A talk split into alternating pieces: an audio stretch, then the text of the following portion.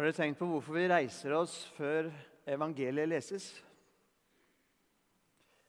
Det er fordi vi har den troen at når det leses, så skjer det.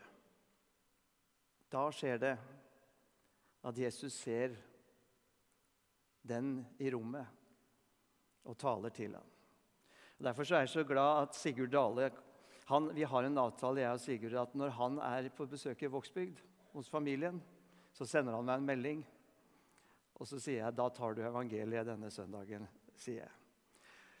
Fordi når han står der og bare gjenforteller det Jeg vet ikke hvor han har den hukommelsen fra. for Jeg husker en himmelfart hvor jeg så han komme inn døra ett minutt på elleve. Og da sa jeg, 'Sigurd, tar du evangeliet i dag?' Ja, det kunne han gjøre. Hvor står det? Og så sto han der og gjenfortalte. Han har det inni seg. Men det skjer. Og sånn er gudstjenesten. Det finnes bare én tid i gudstjenesten, og det er prestens. Det som skjedde den gang, det skjer nå.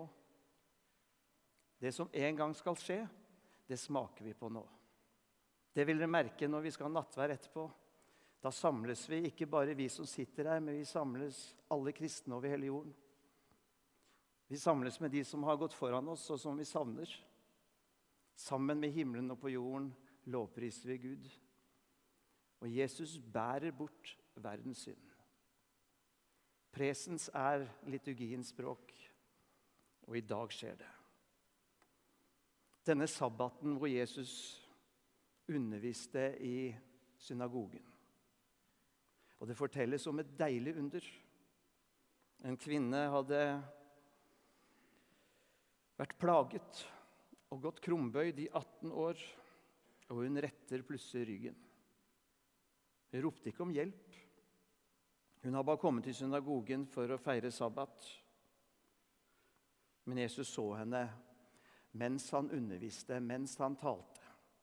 Så lot han seg forstyrre av medfølelse og stoppet opp med utlegginga si og sier, 'Du, du der, kom hit.'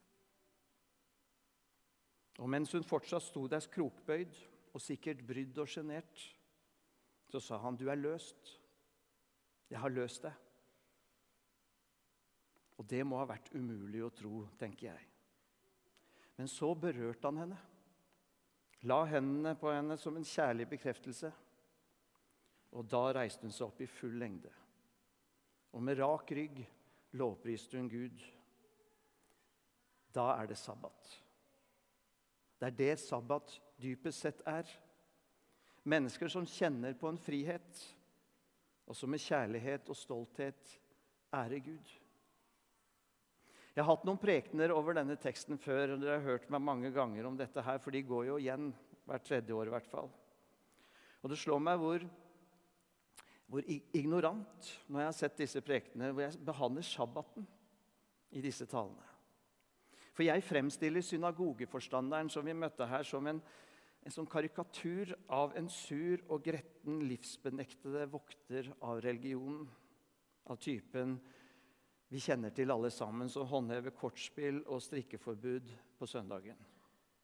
Og som helt har mista perspektivet på hva hviledagen skal være. Og det kan være at han hadde gjort. Men han hadde i alle fall evnen til å skamme seg over det etter at Jesus satte ting i perspektiv for ham og de andre, som elsket sabbaten. Alle skammet seg, står det. Og jeg skammer meg litt, jeg også, når jeg leser hva jeg har sagt om sabbaten. For det slår meg at heller ikke jeg har hatt noe særlig perspektiv på hva det er. Kanskje enda mindre enn synagogeforstanderen. Jeg har tenkt som et moderne menneske, en moderne kristen, at disse sabbatene og høytidsdagene riktignok har noe fint over seg og flott, men at det tross alt bare er skikker og høytider. Ikke viktig i seg selv, men fine symboler på noe. Pedagogiske for oss og samlende. Jeg har gått glipp av hva disse dagene er. For Gud og for mennesker. Jeg har tenkt at det er snakk om litt sånne rigide søndager men da jeg var i Israel en måned i 2018, så skjønte jeg at den syvende dagen har gitt og gir dette folket en identitet i Gud som er dypere enn mange kristne sin identitet i Gud. For vi lever i en kultur som langt på vei har tømt tiden for mening. Vi har gjort den meningsløs, og vi sitter igjen med en marerittaktig veksling mellom hastverk og avslapping, som den ortodokse teologen Alexander Smemann sier. Fordi tiden ikke er noe i seg selv. Ikke sabbaten, for man kan jo hvile på hvilken som helst dag. Ikke påsken, man kan jo feire den uka etter eller før. Eller ikke engang feire, man kan markere den eller spre budskap om den. Ikke pinsen, for ånden kan vel gis alle dager. Vi trenger ikke bønnetider. Vi kan be når som helst, tenker vi, og i praksis kanskje nesten aldri. Men Bibelen forteller om en Gud som handler i tiden. Hendelsene i Bibelen starter veldig ofte sånn da tiden var inne, da tiden var full, da tiden var kommet, i tidens fylde. Timen har kommet, dagen er her. Evangeliene er fulle av hellige dager og time hvor Gud bryter inn i tiden. Ikke bare den gang da, men til evig tid.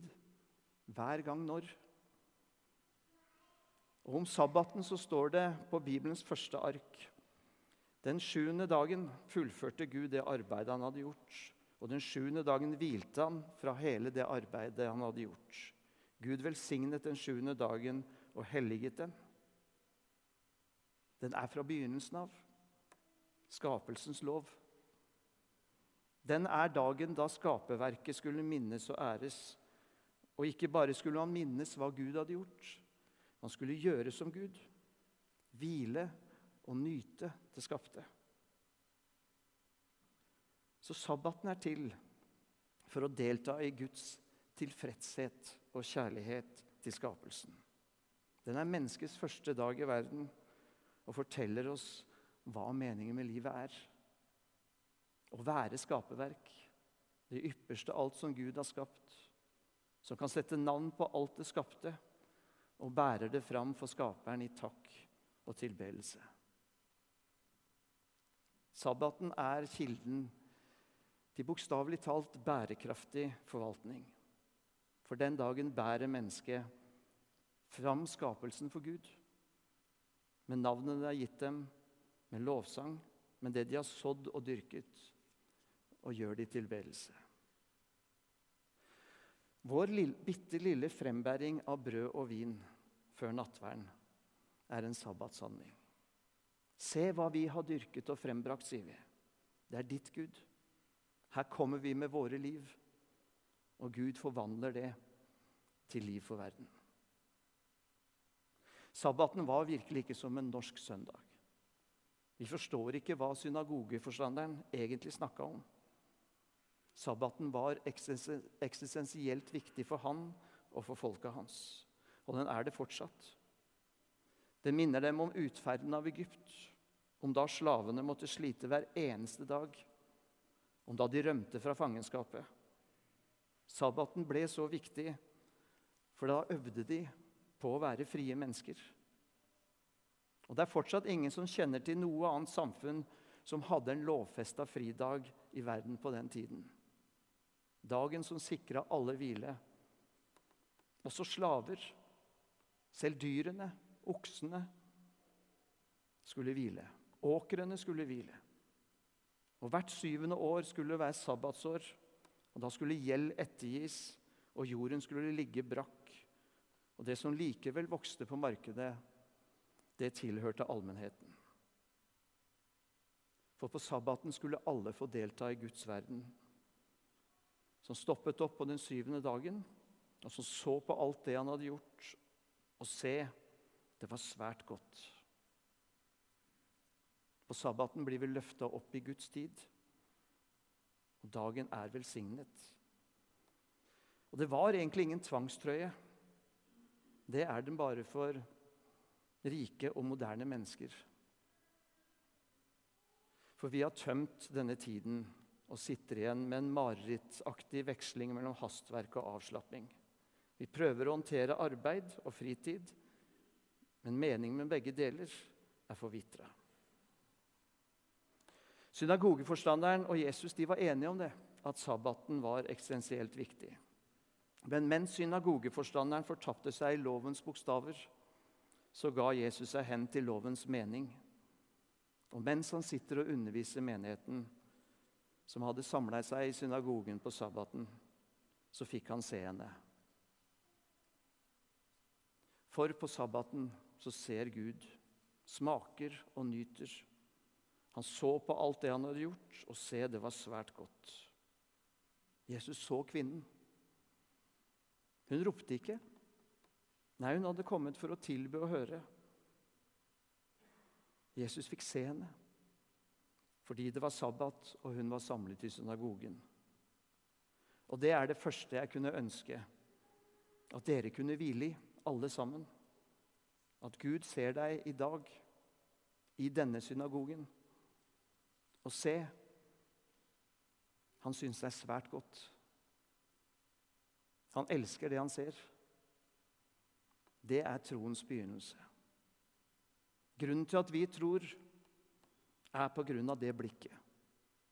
Guds blikk er retta mot oss lenge før vi har noen Gud i vår bevissthet. Og det andre du kan hvile i, det er dette. At Jesu liv og død og oppstandelse er evangeliet om din frelse.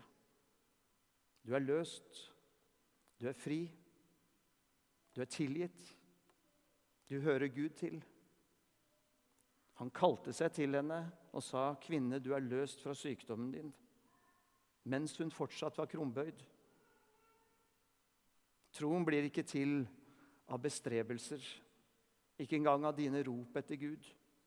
Den blir til av at Gud kaller deg. Han kalte henne til seg og sa at hun var løst lenge før hun merket det. Lenge før vi merker det.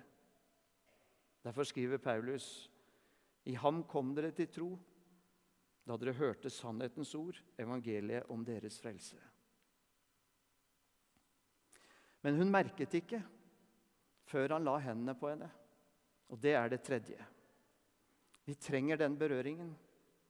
At Guds kjærlighet berører oss. Som vannet i dåpen, som vin og brød i hendene våre, som oljen når vi salves, som evangeliets ord når vi hører som gode hender som ønsker oss velkommen. Dette bildet der av paven og mannen med denne forferdelige sykdommen som sto i kø på Petersplassen, det rørte først og fremst paven selv. Og så mannen, og så alle som så det. De kjente ja, sånn er det. Sånn skal Kirken være. Guds hender som omfavner alt ved oss. Hele vårt liv, på godt og på vondt. Det vi er stolte av, og det vi skammer oss over. Det som har rammet oss, og det vi har fått til. Nå skal vi snart bære vinen og brødet som vi har laget av jordens grøde. Bære det fram for Gud, alt, hele vårt liv, hele jorden. Og Gud forvandler det til liv og sier, dette er min kropp, som gis for dere. Dere er min kropp. Dere er mine hender. Hold rundt hverandre. Som jeg har elsket dere, skal dere elske hverandre. Underet, det merkes når han berører. Og straks rettet hun seg opp og lovpriste Gud. Og Det er det sabbaten er til for. Det er det livet er til for. Og denne ånden som plaget henne, den plager fortsatt mennesker. Også mennesker med friske rygger fysisk sett. Vi går krumbøyde i verden.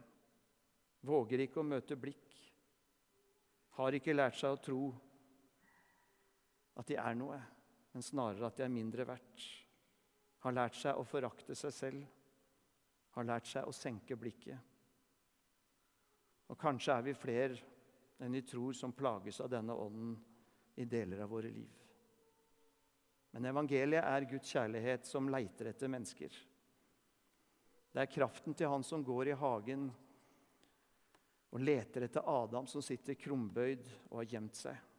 Adam, menneske, hvor er du? Og Kjærligheten har den kraften og virkningen at man kan våge å vise sårbare ansikt. At man kan våge å rette seg opp i ubeskytta stilling, senke garden og tro at man blir tatt imot. At man er verdig, faktisk, til å ta imot andres kjærlighet og tilknytning. I kjærlighet finnes det ikke frykt, skriver Johannes. Den fullkomne kjærligheten driver frykten ut. Og dagens evangelium det er at den fullkomne kjærlighet driver ånden som har bundet denne kvinnen og oss, ut. Ære være Faderen og Sønnen og Den hellige ånd, som var, er og blir en sann Gud fra evighet og til evighet. Amen.